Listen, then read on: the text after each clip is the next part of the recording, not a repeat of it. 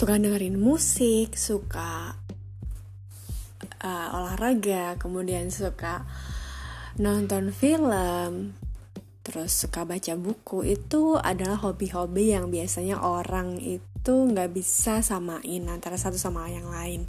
Nah di obrolan EZ itu semua akan diobrolin bareng gitu sama narasumber-narasumber yang nggak kalah serunya.